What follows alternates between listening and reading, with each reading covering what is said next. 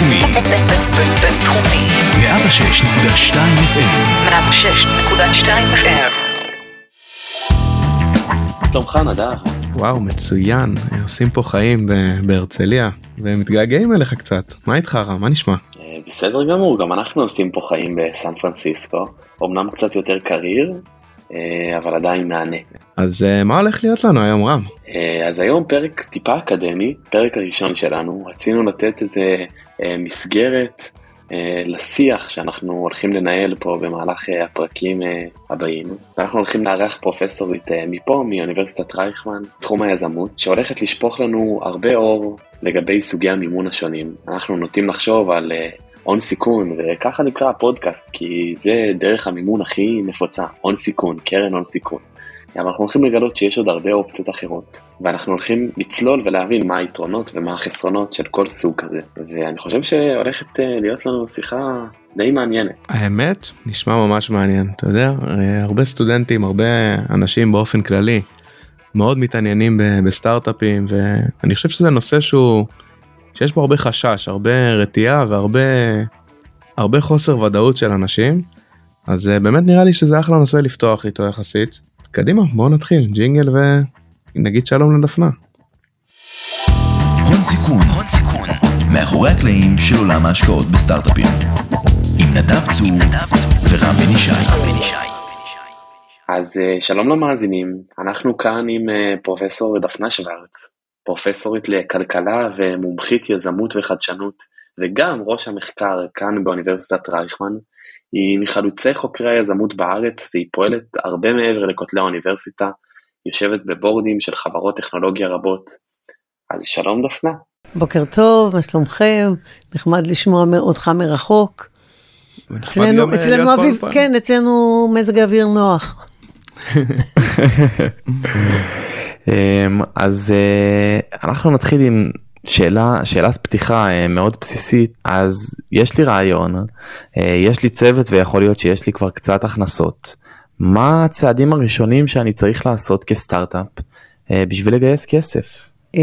מה שחשוב שסטארט-אפ יבין, שהוא לא מספיק שהוא יזם ושיש לו רעיון טוב, הוא צריך לפעול כמו מנהל.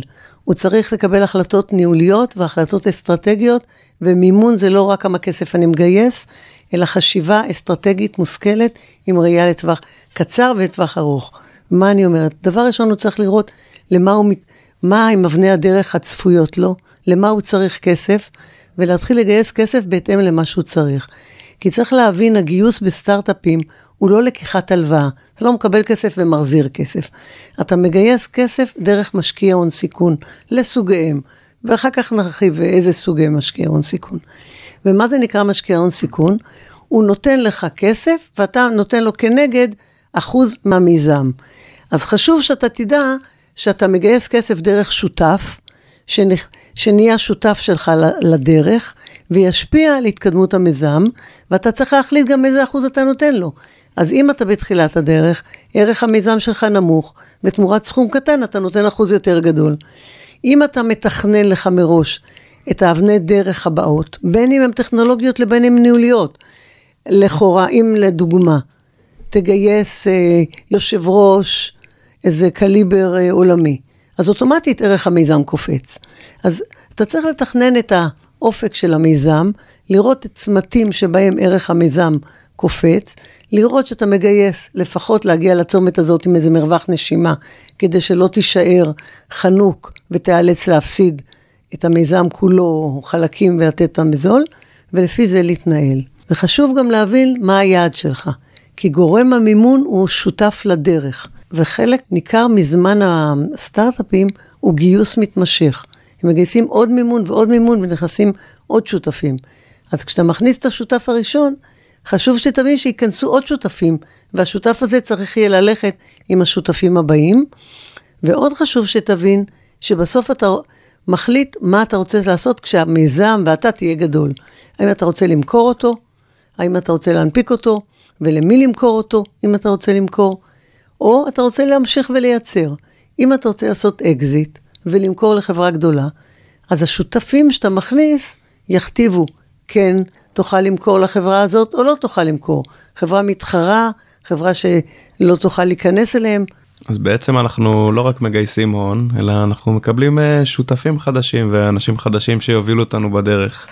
זה לא רק אה, כן. לגייס כסף ואת הסכום הכי טוב, אלא לבנות את הנבחרת הכי טובה איתנו. נכון, חברים בוחרים, זוגות חושבים הרבה על אה, שותפות, גם אה, סטארט-אפ הולך לאורך כל הדרך. צריכים להבין, לסטארט-אפ יש מיזם אחד, אותו הוא רוצה לעשות בצורה המרבית. כן, זה חלק ענק מהחיים של היזם, כן. ובאמת חשוב אה, לבחור את הבחירה הנכונה, שלא תמיד תהיה גם הבחירה נכון. שתיתן הכי הרבה כסף. הרבה פעמים הסטארט-אפ הראשון מכתיב התקדמות של אה, חברה לאחר מכן, מוכיח ל- לשוק האם הוא ידע להתנהל נכון. אז לפעמים יש לזה סיגנל. את ציינת בעצם את המרווח נשימה ואחוז מסוים שנותנים. אם תוכלי לנקוב או לתת לנו איזה רווח סמך של מה נחשב מרווח נשימה האם אני צריך לקחת בחשבון גם את המשכורות לעובדים או רק את ה-R&D הסטארט-אפ כשהוא חושב כמה כסף הוא צריך, פלוס מרווח נשימה להמשך, הוא צריך לעשות תכנון של ההוצאות אה, הצפויות על כל, על העובדים, על אנשי טכנולוגיה, על אה, אה, שירותים שונים, פלוס מתי הוא מעריך שתהיינה הכנסות. עכשיו צריכים לדעת, תמיד הסטארט-אפיסטים באופיים, זה מה מאפיין אותם, נורא אופטימיים. אז להוריד איזה אחוז מסוים. עם זאת, חשוב להבין שגם אין שום קשיחות בהוצאות. חלק ניכר מהחשיבה צריכה להיות, האם חלק מההוצאות יכולות להיות הוצאות גמישות. האם אני חייב לשכור משרד, או אני יכול לשכור לתקופה קצרה. האם אני חייב לקחת אנשי טכנולוגיה, או אני יכול לעשות במיקור חוץ טכנולוגיה. כי המיזם הוא מאוד דינמי, לא בהכרח אנשים שאתה שוכר בנקודת הזמן הראשונית, הם אלה שתצטרך בשלב השני. ככל שתהיה יותר גמיש בהוצאות, הצרכ... הצרכים הם קטנים יותר, והיכולת שלך לתמרן בהמשך גדולה יותר. מאוד מעניין. אז uh, אנחנו דיברנו קודם על מה זה בעצם uh, משקיע הון סיכון. Uh, בסוף כל מי שמשקיע בסטארט-אפים לוקח על עצמו סיכון מאוד מאוד גדול. אז uh, בואו נשמח קצת לשמוע על מי הם ה- בעצם שחקנים בתחום של מימון חדשנות, ואיזה יתרונות, חסרונות, מה מאפיין בעצם כל אחד מהם. אז בואו נתחיל מהבסיס, ממה זה קרן הון סיכון. אוקיי, אז uh, הבסיס הוא מהו הון סיכון. נתחיל עוד יותר בבסיס. הון סיכון זה שמישהו מוכן לשים כסף ולקחת את הסיכון. הוא מוכן לשים כסף ולקחת את הסיכון במיזמים שאומנם הוא לוקח את הסיכון שהוא גבוה, אבל גם התשואה הצפויה מאוד גבוהה. לכן הוא מדבר רק על מיזמים שיש להם תשואה צפויה מאוד גבוהה. הוא משקיע דרך כפי שאמרנו, רכישת נתחים בתוך המיזם. עכשיו, לפני קרנות הון סיכון יש לנו את האנג'לים. האנג'לים אלה הם משקיעים פרטיים, יכולים להיות מקצועיים, מקצוענים או לא מקצוענים, שמשקיעים בדרך כלל בשלבים המאוד ראשונים. אז הרבה פעמים הסטארט-אפים מתחילים מאנג'לים, וכפי שאמרתי, הם צריכים לחשוב האם האנג'ל הזה מתאים או לא, ועל כל גורם סיכון אני גם אגיד לו את היתרונות והחסרונות.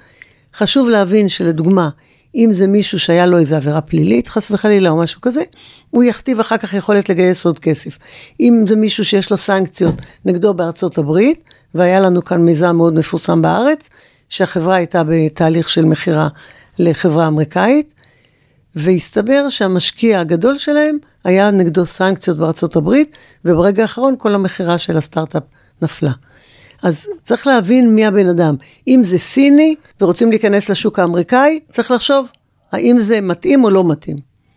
בסדר? זה זה באנג'לים. מאוד קשה מה שאת אומרת כי סטארט-אפים בסוף זה הכסף הראשון שנכנס זה הפעם הראשונה שהם מקבלים צ'ק והרבה פעמים סטארט-אפים עיוורים אה, לאנג'ל כי הם לא מספיק מנוסים. נכון. לכן אני אומרת שהחוכמה בכל הגיוס מימון הוא הבנה ניהולית, הרבה ידע והרבה מידע.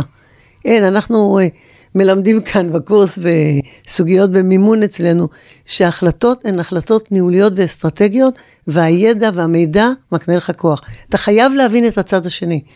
זה לא רק מה אתה מבקש, אתה צריך להבין את הגורם השני, מה השיקולים שלו, מה המאפיינים שלו, ולפי זה להחליט אם לפנות אליו ומתי לפנות אליו. כי לפעמים יש גורמים שלא מתאימים בשלב הראשון. הקבוצה השנייה זה המשקיעי הון סיכון, אה, הקרנות הון סיכון, שזה נקרא VC, Venture Capital. Venture Capital זה סוג מסוים של מה שנקרא Private Equity, שלכולם יש מבנה דומה. הן מוקמות למספר שנים מוגבל, 7 עד 10. הן מגייסות כסף ממשקיעים חיצוניים, ואת הכסף הזה הן משקיעות במיזמים. צריך להבין, הקרן הון סיכון היא יזם בפני עצמה. היא חייבת לתת תשואה למשקיעים שלה. מאחר והיא מתחייבת למשקיעים שלה תשואה, אז היא מחפשת מיזמים שהסיכוי לרווח הוא יהיה גדול. מצד שני, הקרן, ככל שהיא מתקדמת בשנים, המרווח נשימה שלה להשקיע בסטארט-אפים לאורך זמן קטן. כי אם הקרן מוקמת ל-7-10 שנים, והיזם מגיע לקרן שהיא בשנה השישית, ברור שהקרן תצטרך, אני אומרת במרכאות, להיפטר מהמיזם. אין לו אופק עם החברה. אז סטארט-אפ צריך להבין לאיזה קרן הוא פונה, מה, מה טווח הזמן שנשאר לה עד האקזיט.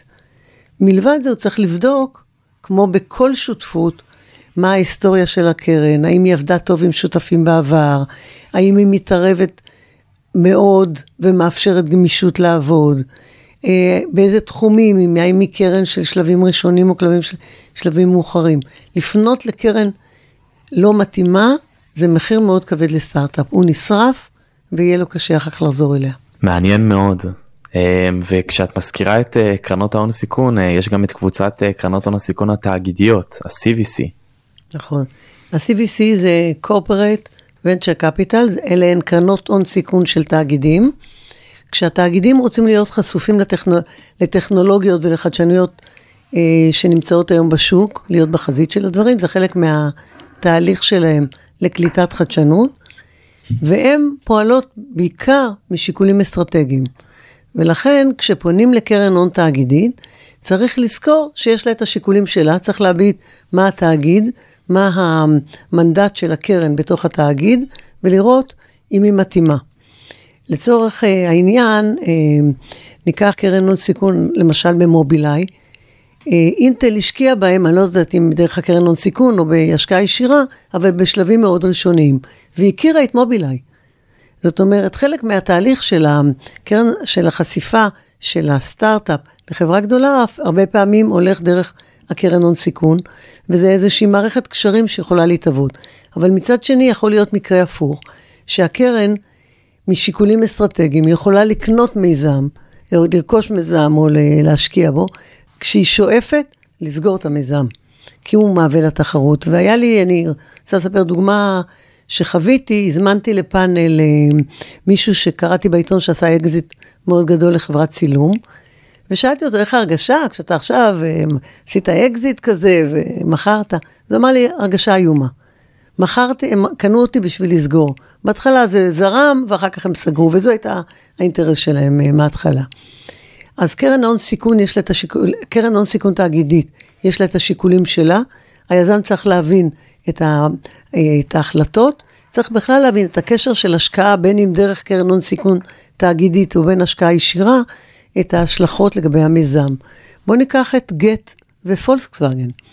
פולקסווגן השקיע בגט, ובאיזשהו שלב פולקסווגן מחקה בספרים את ההשקעה של גט.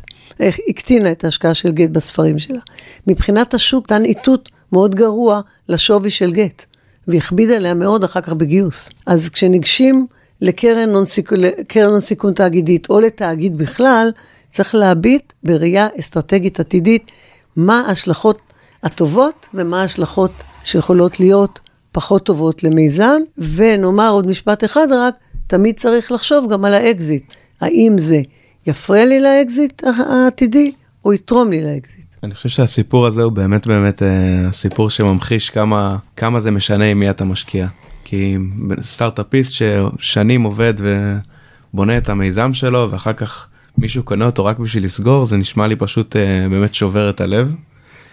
Uh, ומצד שני בסטארט-אפים בעיקר ב-B2B uh, ברגע ש-CVC משקיע בי יש לי אפשרות uh, לפגוש את הלקוח הגדול uh, שאליו אני רוצה להגיע uh, מדי uh, כל בורד בעצם. אוקיי. Okay. אז ההנחת יסוד שלך כאן, שזה החברה שאליה הוא מתכוון בסוף. האם זה החברה שאליה אני מתכוון למכור או לעשות אליה אקזיט, או שזה מימון על הדרך. אז אם אתה הולך לחברה של צ'יפים אחת, ואתה אומר, אני רוצה להישאר פתוח על כל חברות הצ'יפים, אז החברה הזאת תגביל אותך בהמשך. אז אני נתקלתי באמת אה, בסטארט-אפ, באמת שחיפש אה, השקעה ופנה לאחת החברות צ'יפים, ואחר כך הוא עשה חושבים ונעצר בדרך, הוא פחד שזה יגביל אותו בהמשך. אז באמת יש פה הרבה upside ויש פה גם downside אפשרי. אמן. upside זה תמיד שאתה יכול אה, לעבוד ממש בתוך התעשייה ולגייס מהאנשים הרלוונטיים ולשמוע מהם את הפידבק. וה downside זה בדיוק מה שהסברנו פה הרבה, אה, האינטרסים השונים. המסר הוא שאתה חייב תמיד ללמוד את הצד השני. זה לא רק מה אתה צריך, זה ללמוד מי הנותן, ולהכיר אותו טוב, ולעשות את החושבים, את ההשלכות עליך. מדהים. אז עוד uh, סוג של uh, קרן uh, VC שרצינו לשמוע עליה זה גם uh, קרן אשראי, קרדיט VC מה שנקרא. אם תוכלי לספר קצת ולהרחיב לנו.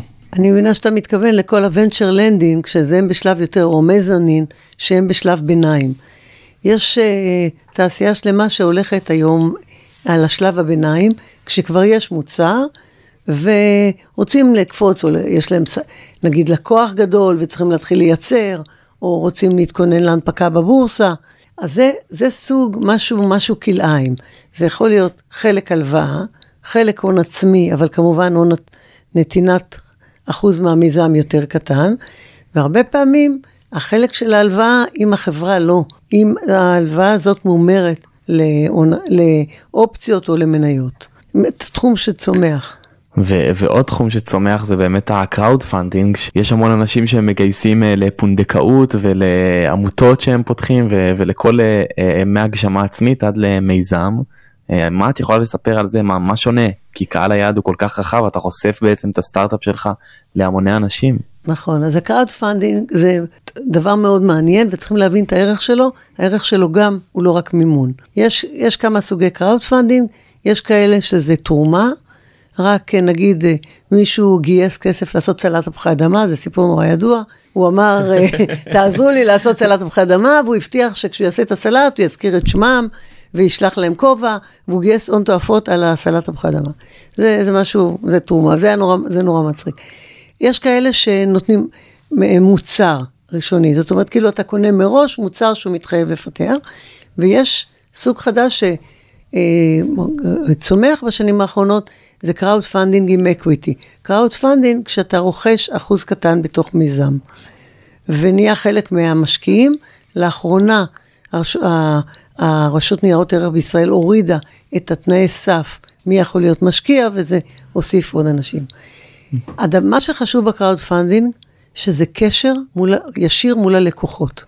זאת אומרת, אתה אמנם חושף את המיזם, ולפעמים אתה מפחד, חושש שאתה מצאת, על הסלט תפוחי אדמה כמובן זה לא רלוונטי, אבל יש דברים אחרים, אה, הייתה את המזוודה שמת, שמטעינים עליה את הטלפון, יש, יש המון דברים.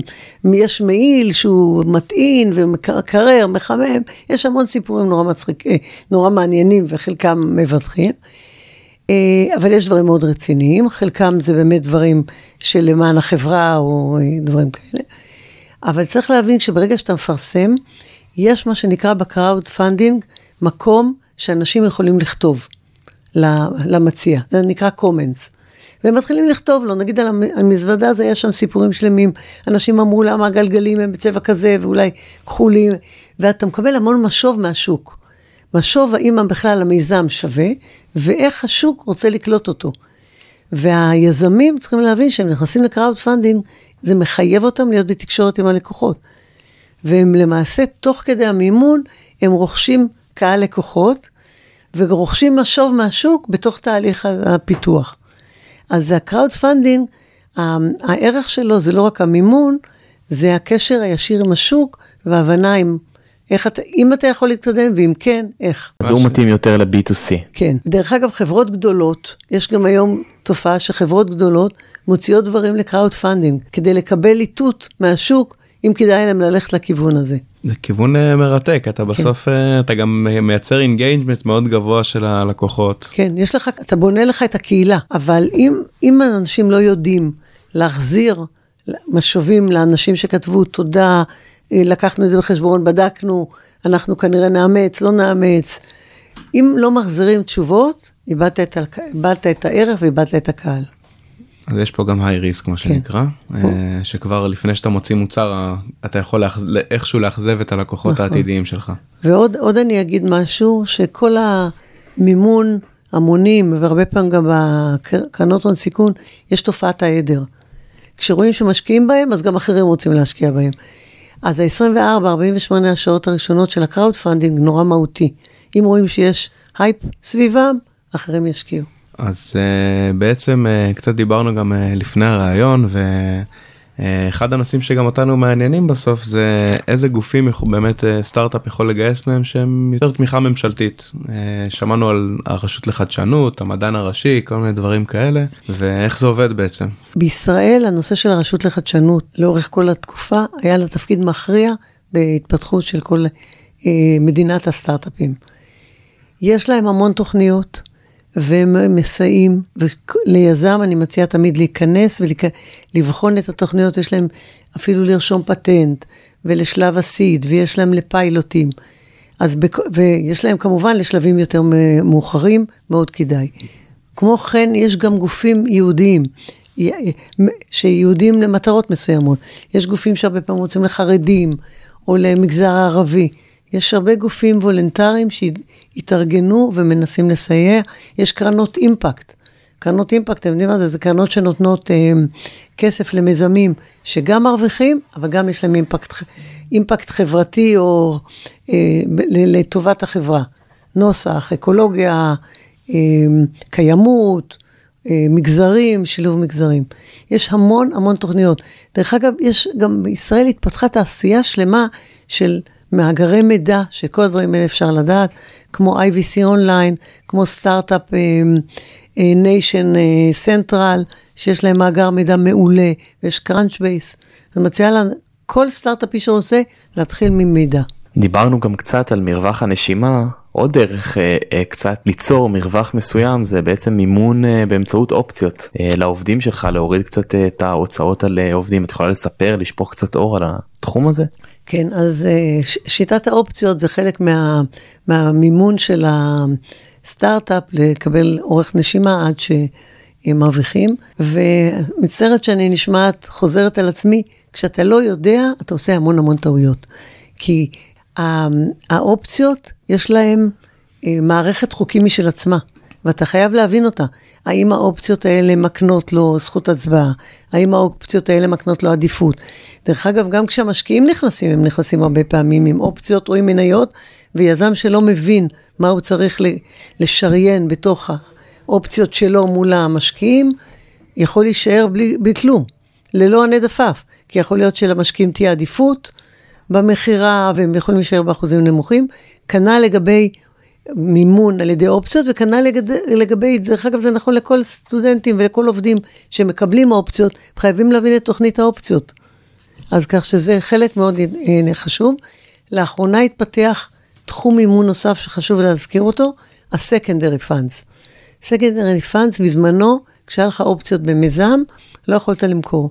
היום התפתחה, התפתחו קרנות, שמאפש... שקונות אופציות מהעובדים שהמשך הזמן יתארך, וחברות צריכות לארגן את זה אצלם, אבל מתחילות לאפשר את המכירה הזאת.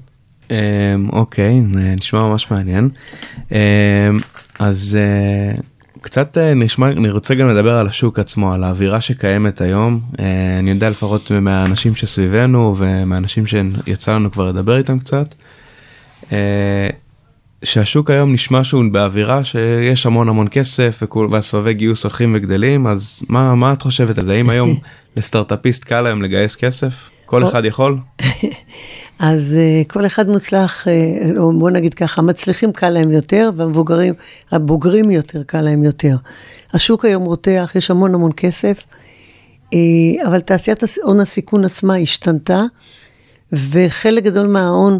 שנמצא בשוק ונמצא בכסף, גד... בכסף גדול, הוא לשלבים קצת יותר מאוחרים, והסבבים נהיו יותר גדולים. לסיד לא קל לגייס כסף, ולכן אנחנו נמצאים בשינוי בתעשייה, ואומרים, אנחנו עברנו מ start-up nation ל scale-up nation, אז צריך להבין את זה. ל seed לא פשוט לגייס כסף, והמקורות מימון הם קצת אחרים. אבל לעומת זאת התפתחה תעשייה שלמה של אקסלרטורים, שמתאימים לשלבים הראשונים, שלא תמיד הם נותנים כסף, אבל הם נותנים שווי, שירותים אה, בשווי של כסף. אז שווה לבחון את זה גם. איך, איך באמת לבחור uh, את האקסלרטור כי יש של, uh, של גופים uh, של הממשלה ויש uh, של קרנות. Uh... כן, יש, יש, uh, יש מאות אקסלרטורים בארץ, זה, תופ... זה ממש תעשייה של אקסלרטורים, ודרך אגב, אפשר להיכנס לאקסלרטור אחד ולעבור לאחר. אקסלרטור זה לתקופה מוגבלת, חלקם הם מחייבים נוכחות, חלקם פעם, פעמיים, שלוש בשבוע, אז כך שזה דבר מאוד, מאוד גמיש. האקסלרטורים עצמם מש, משווקים, יש תחרות בין אקסלרטורים, וצריכים לראות מי עומד מאחורי האקסלרטורים, ו, וכמו שלכל הדברים בנושא המימון, צריך לראות track record של המשקיעים, track record של האקסלרטורים. כמה מהם יצאו, יצאו, הצליחו לגייס, איך הם, איזה שירותים הם נתנו, לדבר עם אנשים שהיו באקסלרטורים, זו תעשייה שלמה. יש הרבה כאלה שנוסעים לחו"ל אקסלרטורים. כי חושבים שהחשיפה יותר גדולה. תראה, האקסלרטור באופיו הוא מין מקום, מוקד למשיכה של משקיעים גם, מעבר לשירותים שהוא נותן. אז אקסלרטור טוב יצאת, יכול לתת ערך אדיר לסטארט-אפים, מעבר למנטורים ולכל הדברים האחרים שנמצאים בו. אז בעצם אה, בשלבים הראשוניים יחסית מאוד מאוד קשה ואנחנו ממליצים יחס נשמע שאת ממליצה לגשת לאקסלרטורים או דברים כאלה אבל שלבים היותר מאוחרים ההרגשה שלך היא שהכסף זורם ברחובות שהוואליואציות גבוהות מאוד. לדבר, למיזמים שהוכיחו כבר שיש להם כבר איזה רקורד. כי המשקיעים ככל שהם עוברים לשלבים יותר גדולים הם מתמקדים בסטארט-אפים יותר מצליחים כי נשאר להם זמן. לס... המשקיעים הולכים על הצלחות, הם רוצ, חייבים להביא הצלחות גדולות לסטארט-אפים. אבל כאן תמיד שאלה, כמה הם משקיעים וכמה הם מקבלים בסוף. גם מה, משהו רצוע על, על ההון שהם משקיעים. כי הם חייבים להחזיר כסף למשקיעים. אתם יודעים, מבנה ההון, אולי נגיד עוד מילה על מבנה קרנות הון סיכון. מעבר לזה שבסוף השבע, עשר שנים חייבים להתפרק, מוכרים את כל מה שנשאר להם, מה שהם לא הצליחו אה, לעשות להם אקזיט. בסוף הם מחזירים למשקיעים שלהם את הכסף שהשקיעו בהם, פלוס אחוז מסוים לפי התנאים שנקבעו, 20, 80 אחוז מהרווחים הולכים למשקיעים בהם, ו-20 אחוז הולכים להם. עכשיו, כל קרן הון סיכון, באמצע הדרך, מתחילה לגייס קרן נוספת. אז גם בדרך הם מנסים לעשות אקזיטים. כל הדברים האלה, יש להם השלכות מאוד גדולות מבחינת המיזמים. מיזמים צריכים לראות איפה הקרן עומדת בתהליך של הגיוס של הקרן החדשה ולקראת סיום הקרן. מעניין מאוד. אה, דפנה, אה, ככה לקראת סיום, אה, המאזינים שלנו שרוצים ללמוד על העולם המורכב והדי מרתק הזה של עולם ההון סיכון, איזה המלצה יש לך לבלוג, ספר, כתב שכדאי לעקוב אחריו? אוקיי, okay, אז קודם כל אני אומרת, יש המון ידע בארץ שמסתובב והמון מאגרי מידע, אתם חייבים להכיר את כל המאגרי מידע. יש מאגר מידע של, אה, של קרנות הון סיכון כמובן, יש מאגרי מידע של אנג'לים, יש רשימות אנג'לים, אפשר לפנות אליהם. אבל מבחינת מה חומר לימודי, אני בעד קריאת עיתונות כלכלית. זה חייב להיות חלק מסדר היום של כל אחד. מי שרוצה להיות בעולם העסקי, חייב להיות כל הזמן מעודכן ולקרוא באופן שוטף עיתונות כלכלית.